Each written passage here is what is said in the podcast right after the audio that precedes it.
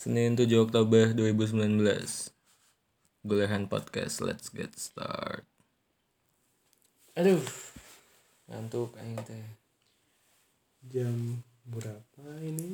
Ya podcast ini direkam pada jam 2.26 setengah 3 pagi. Alhamdulillah kita masih golehan di sini.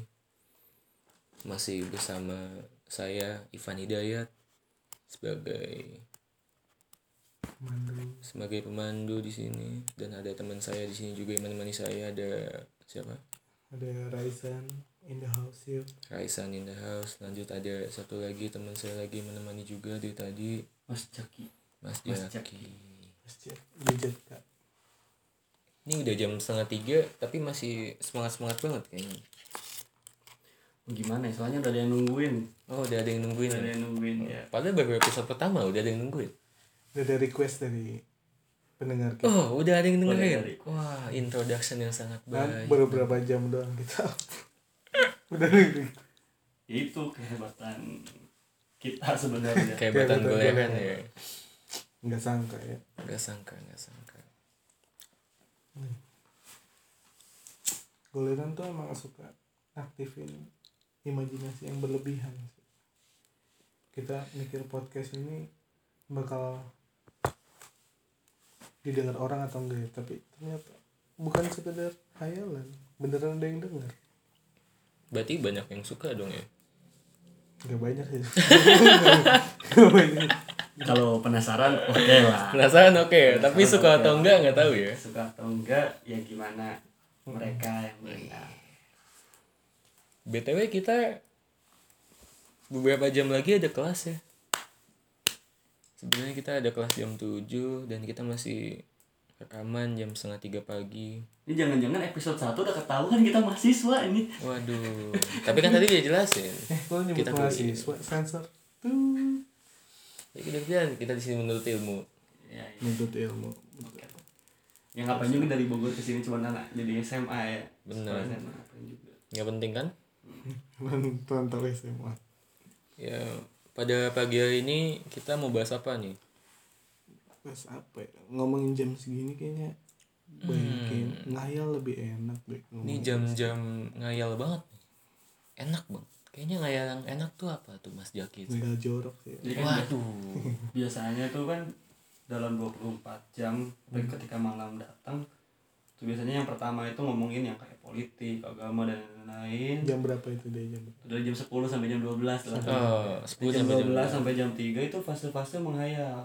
menghayal apa tuh Fase-fase menghayal apa saja mau percintaan kayak mau apa itu pasti menghayal. Jam 3 ke bawah, jam 3 sampai jam 6 itu udah ngomongin mati itu pasti. Itu ngomongin mati. ngomongin mati tobat Mati tobat besok melakukan lain. jadi habis ngayal langsung kayak auto mau meninggal gitu ya Iya. rasanya ya berat berat Masa juga berat azan juga. subuh itu azan yang terakhir. Azan yang terakhir. Gue ya, denger dengar juga kayak kalau orang mau meninggal itu halusinasi dulu. Bener. Nah ini kita mau halusinasi abis itu waduh jangan dong tidur. jangan dong jangan dong. Gak ada episode 2 iya ini baru episode, episode pertama masa kita udah nggak ada semua kan nggak lucu. Kayaknya pagi ini enaknya kita ngayal yang lebih liar deh lebih liar lebih liar menurut gue itu pembahasan cukup menarik sih karena gue percaya tiap orang tuh punya sisi liarnya masing-masing. Yang nggak bisa dikasih tahu ke orang-orang. Gimana mas Jaki pendapatnya? Yang pasti kalau berpikir liar itu Yang pasti kalau gue sih bermanfaat dulu ya. Hmm. Yang jelas bermanfaat. Jadi gak, gak mm, menimbulkan efek negatif buat orang lain yang men- yang tahu gitu. Liar untuk siapa nih? Untuk orang-orang lain atau untuk diri sendiri? Oh kalau saya mikirnya liar berpikir fantasinya tuh buat masyarakat ke depannya Masyarakat. negara ini yang negara tercinta. Tapi dalam sisi positif? Dalam sisi positif. Dalam tentu. sisi positif. Kalau menurut lu gimana san? Kalau gue lebih ke gimana ya? Capek ngomongin orang lain ya. Waduh. kayak ketika kita ngomongin dan mendengarkan curhatan atau berpendapat ke orang lain diri kita pun kayaknya masih belum benar gitu. Hmm. jadi menurut gue bahagiain diri sendiri dulu penting sih. Berarti lu lebih milih untuk berhayal untuk diri lu sendiri ya? Berhayal untuk diri sendiri. Beda sama Jaki berarti yang lebih memilih untuk berhayal demi kepentingan orang lain. Kayak apa sih berhayal demi kepentingan orang? Gimana ya ngomongnya? Soalnya aduh soalnya banyak itu kan ada hayalan-hayalan itu sebenarnya banyak gitu. Dari kecil tuh kita tentunya udah punya hayalan dong benar benar. Dari kecil. Apa bahas dari kecil dulu nih hayalan gua nih? Gue boleh boleh. hayalan ini boleh boleh. hayal. boleh boleh. Coba coba hayal. dijelasin dong Hayal. hayalan. Jaki itu gimana sih buat orang lain? Hayal. zaman gue SD gue masih ingat. Soalnya itu mimpi hayalan gue itu bukan mimpi tapi hayalan tuh. Hayalan tuh. Gue Iya. zaman SD itu gue masih belum tahu itu bisa terwujud atau enggak? Hmm. pertama itu pembangunan jalan tol. Pembangunan jalan tol. Demi. Gua kalau gua buka peta di rumah tuh itu tuh dari merak sampai itu tuh pojok ke pojok tuh Merak garisin warna hitam. Merak sampai pojok. Sampai sampai panarukan panarukan iya, panarukan. Bukan Nah, kan zaman Belanda Pojok- gitu. pojok, pojok pojok Banyuwangi tuh gua bikin tuh set jalan tol. Terus dari Jakarta ke Bandung jalan tol. Lu tuturin tuh di atlas atlas. Ya Iya. atlas orang dulu. Atlas. Ketahuan ketahuan. Zaman SMP nggak ada Gmaps tahunya berapa? ini semester Atlas kita ketahuan nih semester berapa nih? Tua tua tua. Itu gue bikin terus aja sampai hitam tuh. Dulu tuh gue yakin suatu saat hayalan gue tuh bakal terwujud sebenarnya tapi kan gak, gak punya otak juga ya. Tapi hayalan gue tuh terpakai akhirnya tuh. Kayaknya Dengan dibangun. presiden baru kita tuh Pak Jokowi tuh dibangun loh. Itu ide-idenya bukan dari Pak Jokowi sebenarnya nyuri dari hayalan saya. Berarti pemikiran lo waktu SD setara sama Jokowi emang sekarang. revolusioner saya oh berarti harusnya Mas Jaki bisa jadi presiden dong ya? Makanya itu ini tuh terbukti bahwa eh, apa ya orang yang goleran itu dengan berhasil bergoleran itu bisa terwujud mimpinya. Jadi itu Buktinya ya. itu meskipun orang lain yang mewujudkan. Meskipun orang lain tapi seenggaknya lu udah mikir duluan dong. Seenggaknya saya sudah berpikir. Karena niat itu pikiran tuh niat tuh dan niat untuk Indonesia pikiran Indonesia itu baik. Kadang kadang tuh gitu ya apa namanya semua hi- hidup itu adalah untuk memperbaiki. Kita hidup untuk jadi lebih baik lo hidup untuk lebih sukses ke depannya. Dan kadang cara memperbaiki kita itu lewat keresahan Hmm. contohnya kayak Jaki tadi dia resah dengan jalanan yang masih kurang. Itu aja waktu SD dia udah bisa mikir kayak gitu. Dan sekarang buktinya tidak cuma Jaki yang resah tapi presiden kita pun akhirnya membangun itu. Berarti Jaki sejak SD udah mulai kritis dong ya? Wah itu sakit jauh. ya sakit ya. Berarti bisa dibilang itu sebagai dewasa sebelum waktunya sih kayaknya Wah, jelas. SD dulu gue SD masih mikirin ngejar layangan belum ada tuh gue mikir jalan tol jalan tol gitu. Iya. karena, karena ini karena keresahan gue tuh gue kan mudik ya gue mudik itu macet terus sedangkan di zaman gue itu baru dibuat jalan tol Jakarta Bandung baru banget tuh Hmm. Jakarta Bandung masih peresmian tuh pokoknya gue lewat lah lewat situ gue gue mikir kayak gini nih kenapa nggak diterusin aja panjang terus Hmm. di situ gue buka peta gue garisin semua gue garisin semua lagi bikin jalan tol nanggung gitu nah, itu itu cita-cita gue dan akhirnya tuh sekarang terwujud dari Jakarta sama Surabaya cita-cita gue sama Banyuwangi sih tapi belum Kalau lu sendiri san gimana? Ada hayalan-hayalan yang kayak Jaki nggak yang bisa terwujud gitu tiba-tiba ternyata sekarang pada dulu nggak nyangka itu bakal terwujud. Ada nggak? hayalan gue yang terwujud sih belum ada ya mungkin terlalu liar kayak itu Waduh, apa tuh? Salah satunya gue pengen punya istri lima Astaga. Itu bukan Astaga. hayalan. astaga. boleh boleh aja dong Fans. Eh nggak tahu sih, gue nggak tahu sih. Eh, Gue bisa boleh. bilang fair. secara agama tidak boleh sih empat kan boleh Oh iya benar. tapi gue pengen lima Kenapa tuh mau lima kenapa tuh? iya karena gimana ya karena kita punya rasa sayang itu kudu dibagi dan semakin banyak orang yang kita sayang tuh sayangnya akan semakin banyak juga kita dapat Hmm. khususnya enak ya sih Enggak, Aduh. bercanda. Waduh, waduh, waduh, waduh, waduh, waduh, waduh. itu kalau bercandanya kalau seriusnya yang gue pengen sih sebenarnya sekarang kan lagi hot-hotnya isu soal Papua isu soal rasis isu soal apa gitu yang gue pengen tuh kayak kenapa Indonesia nggak jadi negara federal aja ini silahkan ayo penonton judge ayo penonton pendengar bukan penonton Ini pendengar. biar biar saya jelaskan. Ini gimana sih? Lihat banget nih Indonesia menjadi negara federal. Negara Waduh, federal. Berat, cukup berat ini. capek-capek berunding masuk Soekarno dengan kawan-kawan Terus ada seorang anak muda yang menghayal kalau Indonesia menjadi negara federal. Gak ada salahnya. Negara federal kan juga sebuah satu negara sebenarnya. Cuman emang sistemnya berbeda aja.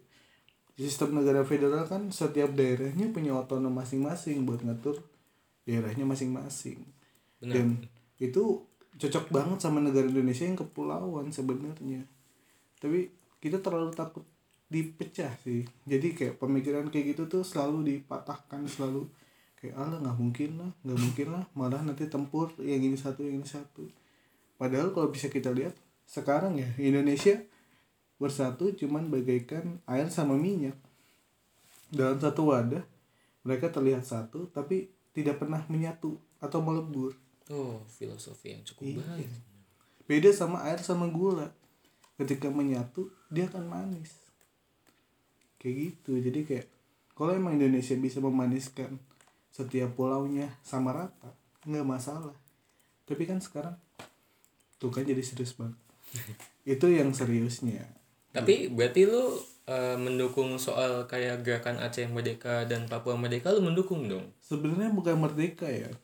Lebih ke punya hak otonom masing-masing tapi tidak pecah. Tidak memisahkan diri. Hmm. sebenarnya gitu. Jadi kayak mereka yang tahu kebutuhan mereka mereka yang tahu mereka harus gimana itu terserah mereka. Karena orang Jawa nggak tahu kebutuhan orang Papua. Atau sebaliknya. Sebenarnya hayalannya mulia ya. Mulia sekali. Mulia sekali. Gila sih sebenarnya ini butuh waktu yang cukup lama. Mungkin ketika Bapak Jaki beneran jadi presiden akan dipikirkan saya langsung mahasiswa datang ke kan cita-cita lu jadi tapi DPR. mahasiswa pun ya susah sih nanti kan nyebrang dulu jauh juga Ke Papua butuh biaya lebih sih. Nah, bagi aku bagiku itu itu apa mungkin pindahnya ibu kota dulu hayalan Pak Jokowi Oh, bisa jadi. bisa jadi Bisa karena jadi. kejenuhan karena kejenuhan beliau yang di Jakarta mulu Jakarta terus Jawa sentris Tapi sebelumnya pun sebelumnya pun udah ada isu-isu kepindahan ibu kota kan. tapi tidak seliar pindah pulau saya Iya benar sih. Menurut gua Jokowi juga mungkin ada hayalan tersendiri ya. mungkin dari mereka punya hayalan tersendiri Atau jangan-jangan itu hayalan Pak Jokowi sejak SD juga. oh iya dia sudah berpikir bisa panjang. jadi dia bukan menggariskan peta lagi tapi menyambungkan pulau dipotong Waduh. ya kan disambung ini pulau nggak boleh pisah Itu udah kayak benua zaman purbakala kali itu ya. Pas meteor belum nimpa tuh. atau enggak gambar monas dipotong dipindahin. Wah, udah kayak di Photoshop Photoshop di Facebook tuh kayak gitu tuh. Ini bagi orang-orang penting tuh menghayal tuh harus sih itu harus benar benar-benar harus Berarti eh kalau menurut orang penting itu menghayal berarti DPR pun itu menghayal. bukan sebelumnya itu sejak umur-umur awal tuh sekarang sekarang si mahasiswa tuh harusnya menghayal tuh. Perbanyak menghayal. Hmm. perbanyak menghayal. Meskipun yang dikerjakan oleh orang lain tapi setidaknya idenya sudah pernah ada. Tapi sayangnya DPR telat menghayal. Nah itu itu, itu Wah. yang jadi masalah itu. Ketika kita telat menghayal. Itu jadi masalah. Atau enggak nggak tahu tempat ketika dia menghayal. Nah itu kita juga harus tahu tempat dalam menghayal jadi goleran kan nggak bisa di gedung DPR waduh iya goleran tuh nggak bisa di gedung DPR itu tempat yang salah Bener. Enaknya tuh di kamar. Mm-mm. Di kamar bisa tidur, bisa sambil makan, sambil Hmm. ngokok. masalahnya berbahaya juga ketika DPR itu apa ya goleran di DPR nanti dia masuk DPR goleran DPR goleran. Bahaya juga. Dia lagi rapat paripurna gitu kan. Paripurna. Bangkunya di nah itu disingkirin terus dia tiduran di bawah. Iya, terus dengan alasan menghayal itu penting. Waduh. itu pas lihat saya lihat podcast goleran katanya menghayal itu Ya, penting, podcast goleran. ditonton DPR ditonton DPR Fahri Hamzah dengerin goleran. Lu dan bayar dia mempraktekkan di DPR itu tidak boleh. Sedang pada rapat paripurna itu tidak boleh. Tidak boleh. Dengar ya untuk Bapak Fahri Hamzah kamu punya kesibukan lebih penting seperti ini. Saya yakin ini ditonton ketika didengarkan ketika 20 tahun lagi. Nanti kita tag ke Twitter ya Pak Hamzah Asia Gelehan. kalau lu sendiri gimana leh masa lu cuman menghayal sendiri? Hayalan gue sih simple sih. Gue pengen sih kalau buat masyarakat banyak ya gue sih pengen Indonesia nggak kenal yang namanya intoleransi sih. Intoleransi. Gue pengen Indonesia tuh taunya cuma toleransi. Ya kita kan ya lo tahu sendiri kayak budayanya banyak agamanya ada berapa sih harusnya ada lima ya? Lima apa enam sih? Enam lima enam. Belum. Ya sepuluh lah sebodoh amat sepuluh banyak juga. banyak. Belum agama apa namanya? Agama-agama agama yang tidak belum diakui. Belum diakui di Indonesia juga banyak. Itu kan ya harusnya kita sadar loh. Kita harus bisa toleransi antar perbedaan kita yang dulu bersatu atas nama perbedaan tapi nyatanya sekarang ya tadi yang kata Raisan ibarat air sama minyak di satu wadah yang sama cuma nggak bisa nyatu. Menurut gue itu kayak gimana ya kurang loh. Harusnya tuh Indonesia ya harus bisa menyatu lebih baik lah. Nggak bisa kayak kita beda-beda budaya dan akhirnya kita pecah satu sama lain itu kan aneh banget menurut gue ya harusnya ya di agama mana pun kita juga diajarkan bahwa kita harus bisa toleransi dengan umat yang lain. Ceramah ini ceramah juga ceramah. aduh. Ceramah. Tapi emang benar sih maksudnya kayak kita waktu kecil selalu punya nama panggilan buat teman-teman. Ada gembel ada siapa lagi? Black. Black Ian, eh, black terus siapa lagi tuh beler Aceng, beler aceng Aduh. botak ya kan itu sebenarnya itu universal Indonesia tuh Nah, ya kan? Itu sebenarnya kata-kata rasis sebenarnya. Tapi tidak rasis ketika kita fair. Semuanya sama, dipanggil aneh, tapi untuk kasih-kasihkan. Yang gak fair itu ketika kita cuma ngatain suatu ras, kayak gini gini gini, tapi yang lain gak dikatain. Jadi gak fair karena bukan buat asik-asikan aja. oh jadi menurut lu kayak ngatain satu ngatain semua gitu Nah, itu yang asik namanya. Ketika waduh. orang ngatain satu itu namanya kebencian kalau satu doang. tapi kalau jadinya benci semua gimana? Bukan untuk benci sebenarnya untuk kasih kasihkan aja. Iya sih tapi ingat tempat juga ya. Iya ingat tempat sama ingat ingat jabatan iya juga. ingat jabatan ya gue menurut gue cukup setuju sih dengan hayalannya Kaisan soal negara Indonesia di negara federal ya. Menurut gue juga buat apa kita menyatu tapi masyarakatnya terpecah belah hmm. ya silakan para ahli hukum. Kita sudah yang pusing-pusing buat apa bahan diskusi. Bayangin ini cuma ocehan dari anak-anak goleran coba Iya, ini anak-anak yang ngomongin suka menghayal negara. doang. Ya ampun ngomongin negara. Ngomongin negara. Ini Ngomongin- jarang-jarang banget ya kita ngomongin negara ya. Besok kelas jam 7 aja kita nggak omongin nggak ngomong eh tadi diomongin barusan. Oh, iya. tapi dengan penyesalan pada jam tujuh. Ini juga nggak tahu kita masuk atau enggak ya. Kita jelas masuk karena apa ya, kita ini harus terwujud sebenarnya harus tahu kita ini masih berusaha loh bukan ya doang tapi prakteknya tidak tahu usahanya berapa persen gitu Oke tadi ya biarkan kita yang menghayal dan orang lain yang menjalankan deh gitu aja. setidaknya kita nggak bergerak orang lain jadi bergerak Benar, meskipun benar. sedikit Terus kita tinggal nyantai aja di sini. melihat perubahan Melihat perubahan, orang benar lain banget. Hmm. sukses kita masih goleran ya. yang lain tuh kaget ada perubahan yang baru kita tidak kaget karena kita sudah pernah memikirkan itu menghayal itu sebelumnya justru jadi reward ke kita Wah, itu Iya. pemikiran gue tuh oh dia yang ngambil Dia Dia dengerin yang podcast dia sih dengerin dia. podcast. dengerin podcast Tapi emang gue ngakui sih sejak dulu juga gue lebih suka buat kerja di balik layar daripada tampil show off depan orang. Menurut gue lebih seru loh ketika kita mengatur semua Hmm. rencana dan biarkan orang lain yang menjalankan. Itu menurut gue lebih seru apalagi kalau berhasil. Kalau gagal sih emang jadi beban sih. Cuma ya kalau berhasil kan kita punya rasa senang sendiri loh. Dengan, oh apa yang gue pikirkan ternyata bisa dikerjakan dengan baik. itu emang, emang benar sih jadi kayak apa ya semua konsepan mes- meskipun yang dilihat mungkin cuman ketua pelaksana atau apa yang dilihat sama orang lain wih keren nih orang ini keren nih berhasil padahal ada orang di balik panggung yang berperan sangat penting di situ dan itu jarang orang lihat kadang rewardnya lebih besar sih sebenarnya daripada dipuji secara langsung keren juga ya. Tapi ini ngomong-ngomong soal hayalan yang liar ya, gue tuh punya hayalan yang lebih liar daripada ini sih. Hmm. Gue tuh dari dulu lumayan senang lihat-lihat kayak berita orang bunuh-bunuh atau ya film-film psikopat gitu terus gue jadi kayak cukup terinspirasi untuk jadi psikopat sebenarnya. Ya KPI boleh lah. KPI menurut gue itu ya kayaknya cuma sampai episode 2 jadi Iya, tolong gue- itu film-film itu langsung satu tahun. Film-film itu tuh lumayan untuk memicu loh sebenarnya. Memicu apa? Itu kan itu pas zaman zaman gue kapan ya? Kayaknya SMP mau ke SMA deh. Itu masa-masa peralihan. Baru puber ya namanya juga ya. Saat-saat baru-baru penasaran penasarannya banget terus nonton film-film kayak gitu kayak menurut gue itu ada pengaruh ke khayalan gue sendiri.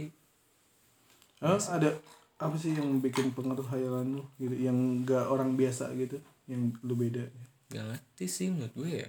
Menurut gue itu cuma seru aja loh. Terus lu suka gitu ngeliat darah orang secara langsung? Iya. masa kayak gitu. Keren loh ketika lu nge- lu ngebunuh orang dan lu dengan santainya lu ketawa atau ngeliatin mayatnya sambil ngopi gitu kan buset itu cool banget menurut gua. Ya yang ini kayak sebenarnya jangan kayak gitu.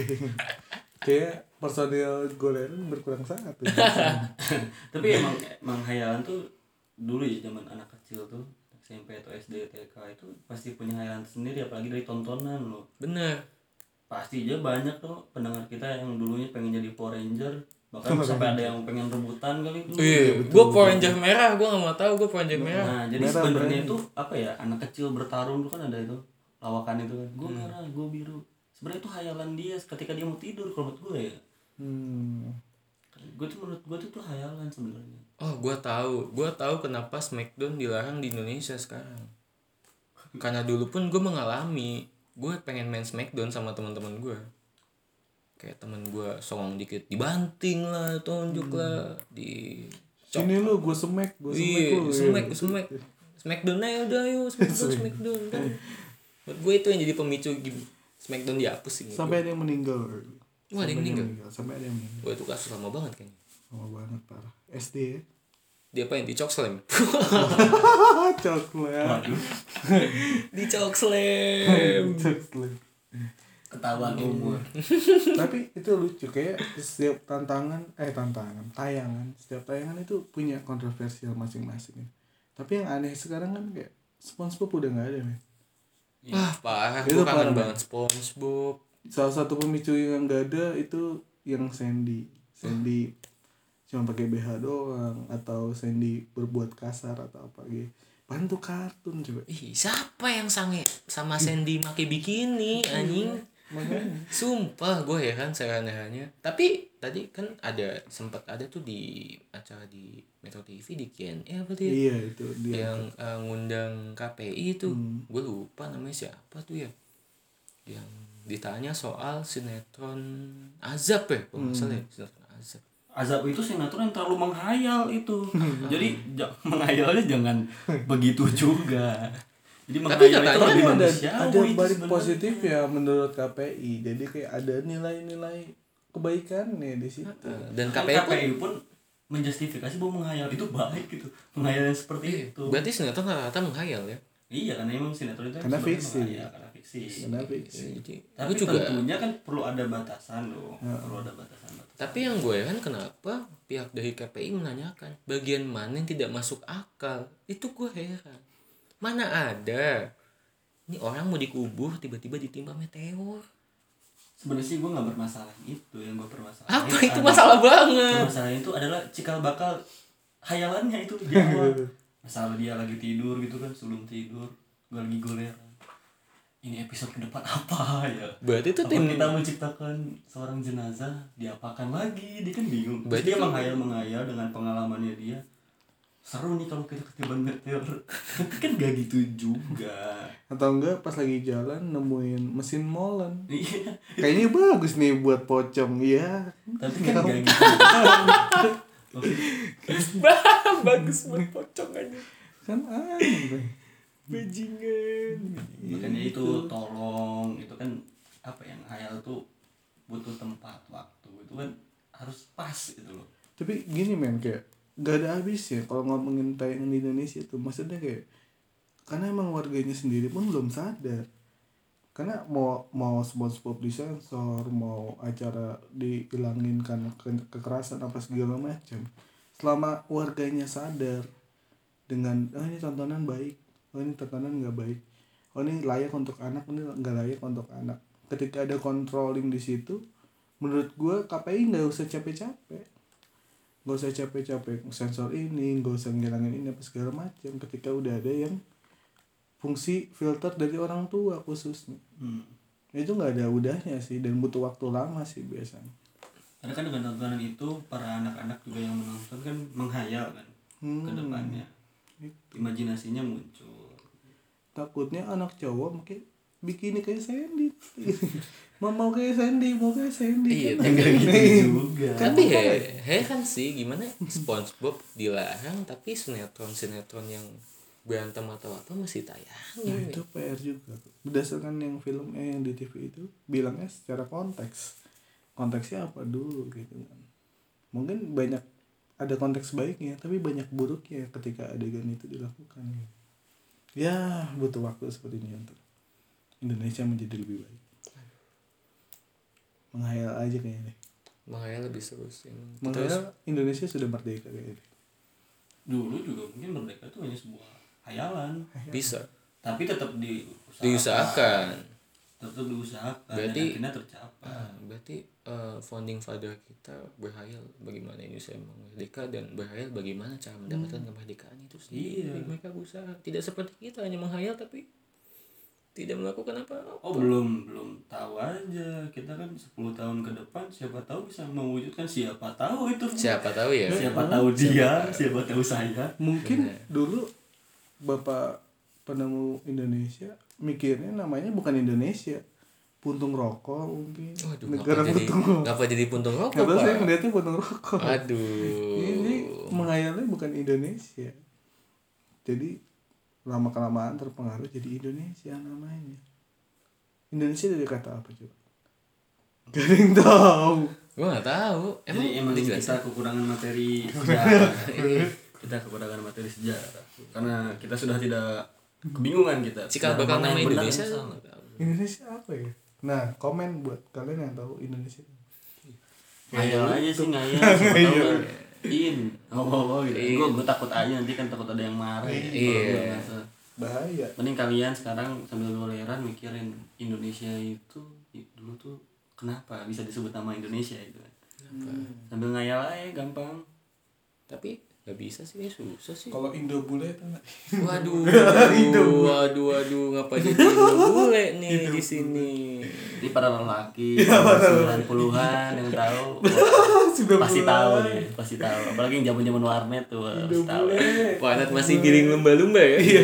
itu pasti tahu tuh. Miling lumba ya Allah. tahu Astaga. Gila itu aja tuh ke tukang wah itu yang bikin wallpaper planet tuh dulunya mengayal atau bingung ya gue. Backgroundnya apa yang Backgroundnya bisa, Pe? apa? Waktu itu benar Kalau background hitam doang kayaknya gak benar. ya. ya benar. Dia ngayal ngayal ngayal mungkin lagi mancing tuh. Temu lumba-lumba. Mana ada orang Pak, mancing di mana, Pak? Mana ada Lumba-lumba. nggak makan pancingan. Ya tolong aja itu kan mancingnya bukan orang Indonesia juga, mungkin orang Tapi kebetulan, kebetulan. Berarti di Amerika ada piring lumba-lumba. Ih. Waduh. Wah. Waduh, Barack Obama ngerjain mau ngerjain skripsi. Lumba-lumba. ada lumba-lumba. Lumba-lumba. Bang nambah sejam. Itu zaman-zaman Obama masih di Menteng ya. Tapi kayak gitu juga ngayal nih. Itu contoh-contoh ngayal yang tuh kayak gitu. Terlalu nyeleneh sih kita. sih. Nyeleneh. Itu nyeleh banget sih itu Mbak sih. Aduh. Sebenarnya makin ngaco nih saudara. Lapar. Ini udah makin pagi, sekarang jam jam berapa ya? Udah mau jam tiga, nggak nggak kerasa juga ya kan tadi setengah tiga udah setengah jam. Yang kita tungguin apa nih abis ini? Ya. Kita ngayal lagi kan masih jam 3, masih ada waktu 4 jam lagi untuk masih 4 jam untuk menghayal ini kita mau ngayal sampai ya sekitar jam 7 lah sampai kita mau berangkat kuliah. Kita tetap terus di podcast ini kayaknya deh kalau kuat ya alhamdulillah kopi masih ada. Ini balik ke tadi masa pertama ngomongin hayalan liar nih Jaki kayaknya ada hayalan-hayalan yang lebih liar lagi. Enggak sih sebenarnya aku tuh lebih ke arah kurang liar apa lumba-lumba di komputer lu apa coba kurang liar apa? Lanjut tau mana ada? Kurang liar apa? Anjing. Pemerintah USA pasang giling lumba-lumba buat Obama. Anjing bajingan bajingan. Yang jadi pertanyaan adalah OP-nya siapa? Kalau Obama yang make OP-nya siapa? Itu tuh negara lain. Kita jangan meskipun jangan. itu jangan. Obama udah lengser sebenarnya kemarin juga dengan Pak yang RU yang ramai itu banyak yang demo itu juga. Itu juga mengandung hayalan sih kemarin. Karena ada beberapa pasal juga apalagi tentang yang santet tuh. Wah, waduh. Waduh itu jadi gini ceritanya. Eh, itu kan kita kan nggak bisa gimana ya, itu kan harus menghayal tuh kan. Gimana caranya seorang DPR dapat aspirasi dari dukun berarti Berarti ada laporan dong ke DPR dong. Ini Pak, aduh saya kena santet. Ini gimana? Ini saya nggak bisa ngelaporin yang nyantet saya karena nggak ada undang-undang santet. akhirnya dikumpulkanlah asosiasi dukun Indonesia waduh Oh berarti dalam rapat paripurna tuh ada dukun di sini. ada diundang Kan, iya. ahli mungkin Setahu gua kan harus ada ahli dalam bidangnya untuk iya membahas. untuk membahas itu Iya kan? jadi Berarti kan ke depannya mungkin kalau ada yang masalah sosial ya diundangnya orang-orang sosial orang yang hukum hukum ini santet ini masalahnya nih. Tidak ada koridor yang masuk ke santet ini. Iya, apakah dosen-dosen hukum nggak bisa bahas santet dosen-dosen fisik nggak bisa bahas santet. Gue takutnya ketika ini beneran disahkan gitu terus apa namanya nanti ada kan santet kan nggak kelihatan ya? Sama kayak kejahatan internet. Nggak kelihatan. Ada cybercrime santet juga ada cyber santet Waduh, santetnya online gitu ya, Iya. online, online. nanti ada pasukan Online. cyber santet Waduh. bahaya itu itu juga jadi permasalahan sih sebenarnya itu emang kita ngayalnya emang jauh sih itu emang biar di zoom berarti nanti kan ada persidangan tuh dipanggil tuh Dukunnya dipanggil. saksi ahli ada saksi ahli ya ini kalau saya lihat-lihat ini santet termasuk santet ini. Tapi emang Saya bisa buktikan. masalah. Coba buktikan coba buktikan. Olah TKP kan? Kan ada olah TKP ada olah TKP ya. Dukunnya ritual gitu kan. pas di perutnya kan kosong kosong kosong. Paku. paku. Ya paku. Bisa dilihat. Tapi yang gue takut pas olah TKP si dukun nggak bisa pura-pura ritual loh. Jadi dia harus bener-bener kayak Pak saya bisanya ritual beneran Pak. Walau pura-pura nanti nggak valid Pak Nah, itu datanya dia. Pak. itu dia yang jadi masalah Apakah harus Pembuktiannya. Iya kan kita nggak bisa buktiin itu tiba-tiba ada paku dalam orang kan? Bisa Karena aja dibuat-buat. kan santet tuh misalkan menyantet orang mati olah TKP-nya misalkan dukun berbohong pak kalau saya ini tusuk ini orang mati pak. Kalau saya tusuk ini bisa mati pak. Ini gimana itu pak? Jadi nggak ada apa olah TKP yang 100% real. Kan kalau pembacokan ini akan bacoknya di mana mas? Di sini. di sini di Iya. sini. Kalau santet ya masa ditanya nusuknya di mana mas? Nusuk bonekanya di mana mas? Di leher di pagar itu kalau pas di TKP kalau pembunuhan bisa di reka ulang adegannya. Kalau santet iya iya iya masa begitu. Nyembur nyemburin orang, Iya kan, ya nanti kan? ada- mandi Eh, kembang. mas mas tek satu tek satu mantra dulu. Udah kayak bikin film. ini jurus pak namanya pak. Iya. bapak tenang aja. Ini abis ini dia. Iya itu yang gue takut di mana si dukun nggak bisa pura-pura, yang tadinya mau pura-pura malah jadi kena beneran. itu, itu emang itu masalah banget sih. Tapi di sisi lain dukun ini maksudnya kasus pesantren ini udah banyak makan korban. Iya sih. Berdasar- berdasarkan data yang saya nggak tahu kayaknya. kayaknya. Udah banyak. Karena gue nonton YouTube itu bu siapa itu namanya itu yang dok- dokter dukun. Oke gue susah nonton susah. Ada kan dulu banget ada di YouTube ada gue lupa namanya bu siapa. Dia kayak menyembuhin orang sambil kayak ngebalas dendam ke si tukang santet ini. Hmm. Itu real langsung di itu YouTube. real ada di YouTube. Bisa dilihat. Tapi nggak tahu ya percaya nggak percaya soal goib. Nah mungkin itu bisa jadi saksi ahli nanti buat polisi. Oh si ibu-ibu itu ketika ya? nanti sudah disahkan kan bisa jadi saksi ahli. Berarti ada parameter khusus buat dukun yang masuk saksi ahli pemerintah? Ada paling nanti Harus followers lah, kuat sih. followers jumlah. Waduh, jumlah pelanggan, jumlah subscriber, Itu dukun-dukun yang udah mulai eksis di internet ya. jadi di nanti YouTube. dukun pun ada rating 5 itu kan. Hmm, Oh, order dukun Iya, gitu ya. jadi mungkin ada Iya, yang gue takutnya ada cyber dukun. Nanti ada order dukun aduh. Maka dengan ini eksistensi dukun tuh kembali meningkat kemungkinan nanti banyak anak-anak kecil yang bercita-cita. Jadi dukun. Gua benar takut ya. itu kan menghayal mungkin anak kecil. "Wah, kayaknya seru dukun Nah. misalkan begitu? Gue takutnya kalau orang makin banyak yang mesen dukun nanti dukun buka cabang. Jadi gokun. Gofood dukun go Gokun. Go gokun sih. Gokun kan gojek ya gue dukun food Godukun. foodkun foodkun nah jadi cara cara godukun. kerjanya tuh apa? Kayak santet ngirimin sesuatu ke dalam perut tapi makanan Set, kenyang Wah, bu, wah, Gila. sih. jadi nanti tuh apa, Kayaknya Gojek harus kerjasama sama dukun tuh ya. Jadi dia. jadi dukun gak masukin paku tapi bisa masukin nasi atau Nah, apa. langsung tentunya baik ya dengan apa Baik. ada profesi dukun tapi Baik. baik bukan yang membunuh kenapa Berarti- nggak dibuat positif seperti itu aja ya Harusnya bisa, harusnya. bisa. daripada dia cuma nyari duit makan dengan nyantet orang mendingan dia masukin makanan ke perut sendiri oh kayak kasus itu kebakaran. Ya, presiden manggil ayo asosiasi dukun tolong segera. Panggil hujan. kebakaran sudah meluas. Panggil hujan. Oh, kenapa nggak kepikiran kayak gitu ya? iya. Padahal pemerintah sudah mengakui mungkin sudah mengakui dukun itu. Itu mengakui dukun ada dengan Dengan- adanya nah, undang-undang kenapa- rancangan undang-undang yang kenapa masuk. Secara tidak memanfaatkan? Mereka tuh berfungsi loh. Iya ya, kenapa Itu nggak kepikiran ya? jangan jangan ada sentimen dukun itu perbuatan jahat saja. Siapa Nah. tahu dia bisa berbuatan baik. Buat besok kalian yang denger ini bisa buat langsung cabang foodkun. Siap siap. Siap siap. Mungkin abis ini ada di Google di Google tuh banyak penerimaan apa ya murid baru. penerimaan murid baru. Iya. Kan banyak tuh relawan-relawan ke tempat kebakaran tuh buat madamin ya bagi yang bisa manggil-manggil hujan atau apa. Bisa lah dibantu saudara-saudara kita yang sedang terkena bencana di sana untuk manggil hujan.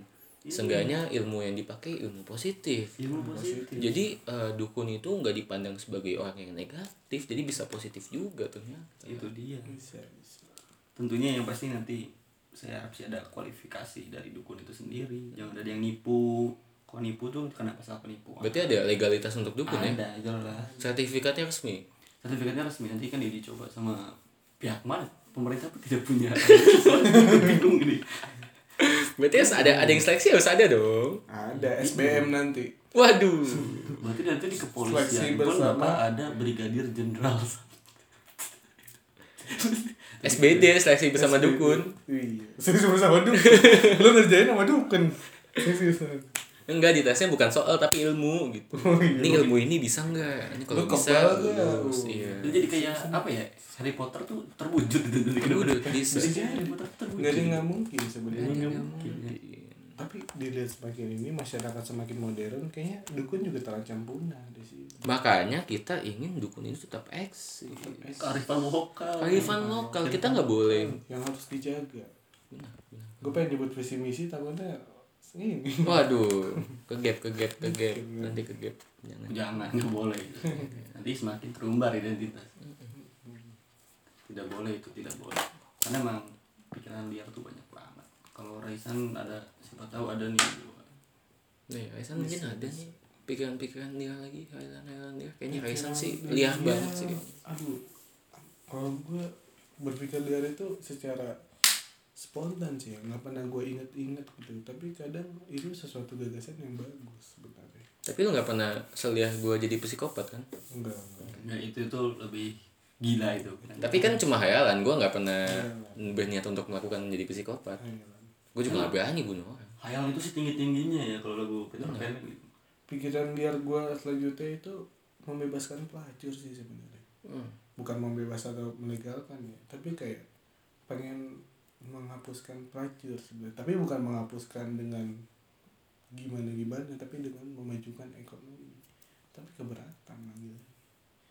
Jadi menurut gua menurut kalian gimana pelacur itu gimana menurut Jadi itu kalian? tuh gak bisa dimasukin cita-cita mimpi gak masuk tuh. Hayal. masuk sih. Iya. Menurut gue nggak ada orang dengan cita-cita pelacur itu ya ada kondisi tertentu di mana dia bisa ya memutuskan untuk jadi nah itu dia mungkin BTS. pelacur pun nggak pernah berhayal untuk jadi pelacur iya dia juga nggak mau mungkin mungkin dia juga nggak mau Ya, tapi kadang orang itu berpikiran dan berstigma itu sangat jelek soal memandang soal pelacur ini. dan menghapuskan pe- pelacur juga itu hayalan juga Nah, sebenarnya kalau menurut penelitian itu satu orang pelacur itu bisa menghidupi 20 orang dalam sehari. bisa gitu Bisa itu. Pertama soal anaknya.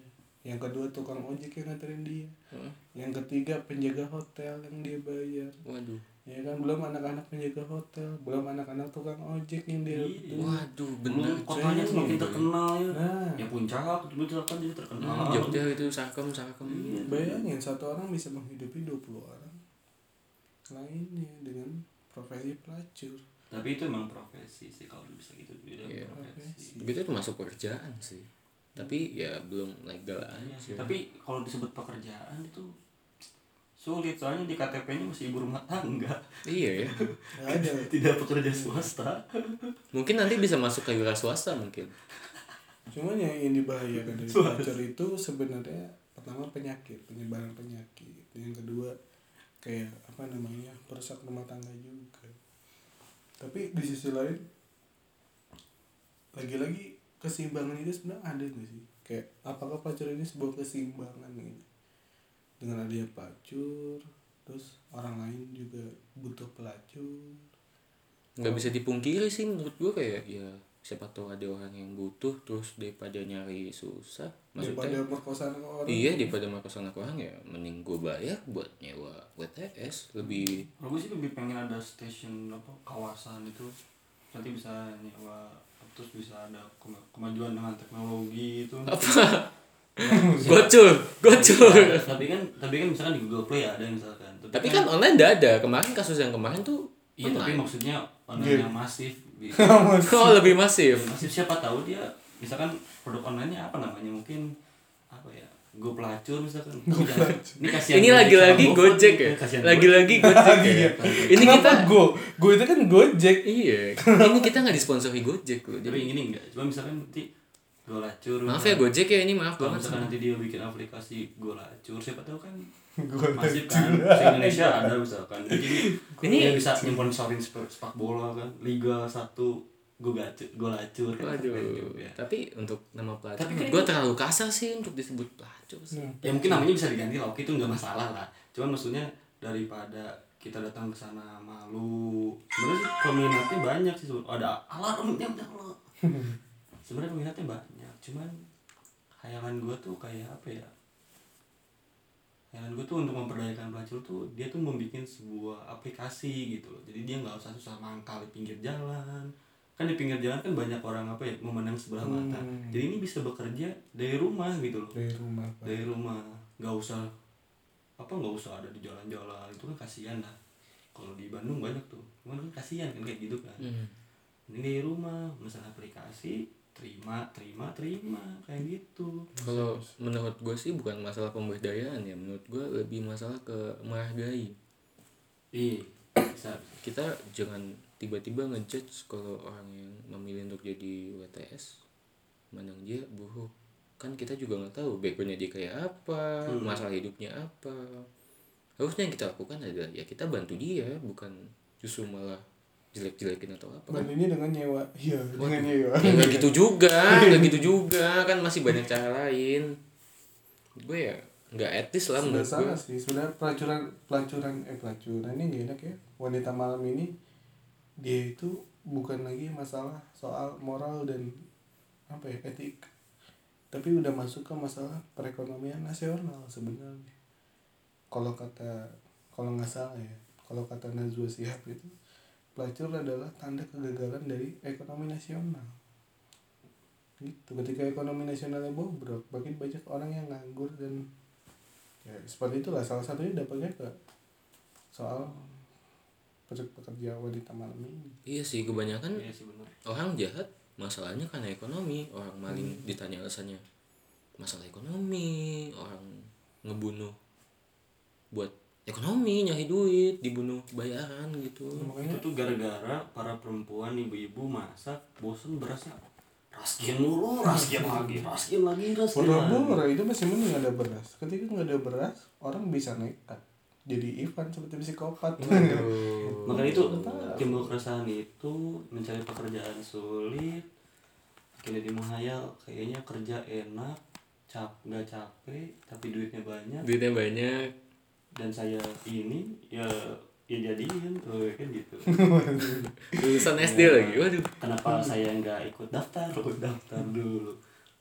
Kayak gitu Oh, nggak ada salahnya ketika kita setengah jam 15 menit menyediakan waktu untuk goleran berpikir dan berhayal memunculkan imajinatif baru untuk mengembangkan ide-ide yang baru. Saya kayak bisa kayak jualan-jualan kan udah biasa. Hmm. Tahu aja nanti semua serba online kita pengen masak nasi tapi pengennya ada yang masakin kita bisa go masak pak itu di GoFood udah ada ngapain pakai gue masak nggak usah.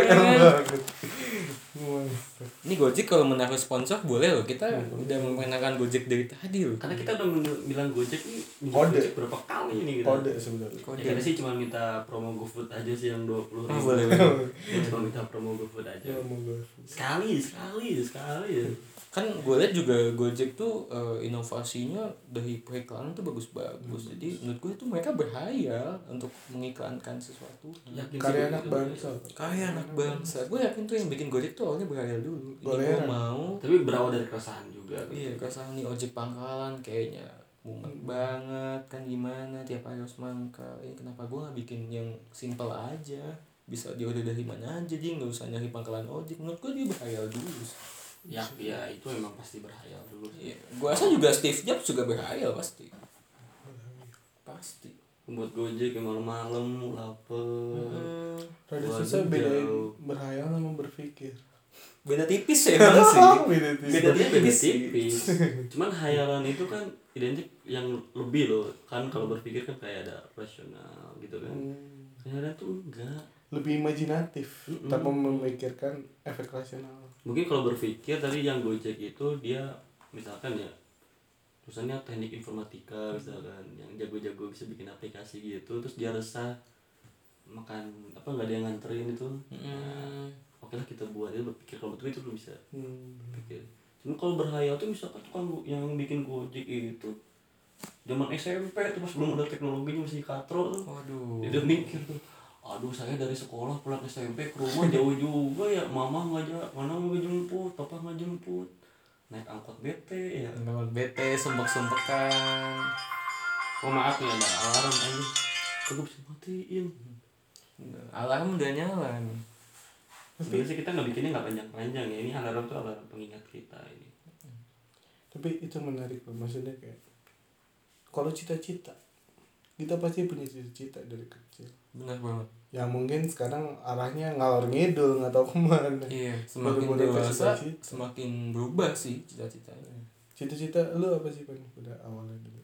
Kalau gue sih jadi entah kenapa ya gue dari SD sampai SMP mungkin. Gue tetap sama jadi arsitek. Arsitek. Arsitek. Kerja jet ya bukan iya gue terinspirasi dari bokap gue soalnya bokap gue tuh jadi kuli bangunan gitu kan kita harus kita kan lebih lebih baik dari orang tua ya. Ya kalau bokap gue kuli ya berarti gue harus jadi arsitek dong. Hmm. Sa- satu satu satu manajemen. Satu manajemen lah ya boleh satu satu satu prinsip yang sama di proyek cuma ya gue harus di atasnya dong. Gue harus balap bokap gue jadi ya gue mau jadi arsitek yang gaji lebih banyak tapi itu cita-citanya kan eh, terinspirasi lah. Gue terinspirasi bukan cita-cita hal hayalan yang liar Gua tapi itu keren bapaknya ngebangun dia ngebikin. Wah gue yang merencanakan. Keren keren. Biasa. Tapi kan gak enak ya ketika misalkan gue jadi arsitek terus gue nyuruh bokap gue kerja gitu. Enggak posisinya posisinya lu bikin rumah buat bokap lu. wah benar juga. Tapi bokap gue ikut kerja. Iya. Nih Pak desainnya bikin sendiri. Iya. bokap gue ikut kerja juga. Waduh gak kepikiran sampai sana sih sebenarnya. Ya maksudnya pas gue kerja bokap gue gue suruh pensiun dong. Iya. nyantai aja di rumah gitu maksudnya. Ya minimal lah. Kan bokap gue jadi, jadi kuli juga udah profesional udah bertahun-tahun ya. Jadi bisa lah memberdayakan kuli-kuli Indonesia gitu persatuan Kuli. PKI PKI. Persatuan Kuli Indonesia. Takutnya kan. Makanya gambarnya Palu Arit eh beda beda iya. beda kira beda sama. beda. Palu semen ya. Beda. Ini ini lambangnya sekop sama ember. Wah, keren juga. Cita-citanya biasa sih. Nggak nggak ngayal gitu cita tapi kalau gue sekarang sih lebih mikir kayak kan orang ya Soekarno bilang gantungnya cita-cita setinggi langit. Ya gue berpikir kayak ya gue mending gantung cita-cita setinggi mata kaki. Yang menurut gue mudah untuk digapai. Jadi menurut gue tuh gue sekarang mikir kayak lo milih cita-cita ya pelan-pelan aja loh. Ini gue pikir deket aja dulu entah kalau udah kita cari lagi udah cari lagi cari lagi cari lagi. Jadi biar gimana gimana jadinya tuh cita-cita kita banyak dan itu bisa digapai semua pelan-pelan yang penting pastinya melalui hal menghayal tuh kan cita-cita tuh. Bisa jadi sih. Menghayal dulu cita-cita gue pengen kaya gue cita-cita pengen beli mobil tuh cita-cita. Bukan kayanya tuh kan. Iya. Tapi pengen beli mobilnya. Dan beli mobilnya. Itu betul sih apa gue setuju. Jadi kayak banyak orang yang berpikir hidup itu cuma tujuan tujuan tujuan tujuan. Hmm. padahal menurut gue salah. Menurut gue tuh hidup itu ya cara tujuan cara tujuan cara tujuan. Nah di tengah-tengahnya itu ada proses menghayal. Pasti. menghayal tuh pasti. Pasti. Orang mau mati aja ada berhayalnya nanti mati gue di mana? Iya. Lagi ngapain? Sih bisa nyebut nggak ya? Kan gitu. Ini udah jam 3 ngomongin Jam mati. tiga, udah mulai mati. Mulai. Ini adalah terbukti perkataan saya terbukti bahwa fase-fase itu emang benar-benar ada. Cita-cita belum selesai udah ke mati belum sampai eh cita-cita berarti udah tadi bener ya kita ngomongin tadi bener sih kata Jaki. Bilang saat jam sampai jam sebelum jam 3 tuh ngomongin cita-cita terus di jam 3 ngomongin mati. Kok pas ya? Itu tuh teori paten seorang jaki sebenarnya. Oh. Itu paten sekali ya. itu dikaji dari segi nama teorinya apa? Jaki Jaki time iya mungkin bisa. Jakita. Jakita karena itu bisa dipelajari loh boleh dikaji buat pendengar-pendengar kita dari psikologi ya. psikologi lebih ke Lebih ke mana itu? psikologi bisa. Ya semana hukum lah kata interaksi saya. juga bisa sosiologi juga bisa. Mungkin hukum juga bisa nanti. Hukum bisa. Siapa tahu dia ngomong hukum tuh dari jam 2 nanti jam 3 dilepaskan biar dia berpikir mati mas kamu saya sidang jam 2 aja ya Iya. Biar pas waktunya sama teori Jakita Jakita nanti Jakita. dipakai. Jakita jadi jam 3 dihukum penjara dia mikir mati. Pagi-pagi tobat kan? Pagi-pagi. Kan udah dihukum. Iya maksudnya ya jangan ya bisa tobat lah. Bisa maksudnya tobat. Kayaknya sebelum kita lebih jauh soal mati kayaknya mending kita udahin aja. Ya ada mulu nih alarm nih. Ya tadi alarm kayaknya udah penanda deh. Kayaknya kita udahi saja golehan pada pagi hari ini. Makasih buat yang udah dengerin. Sekian dan terima kasih kembali.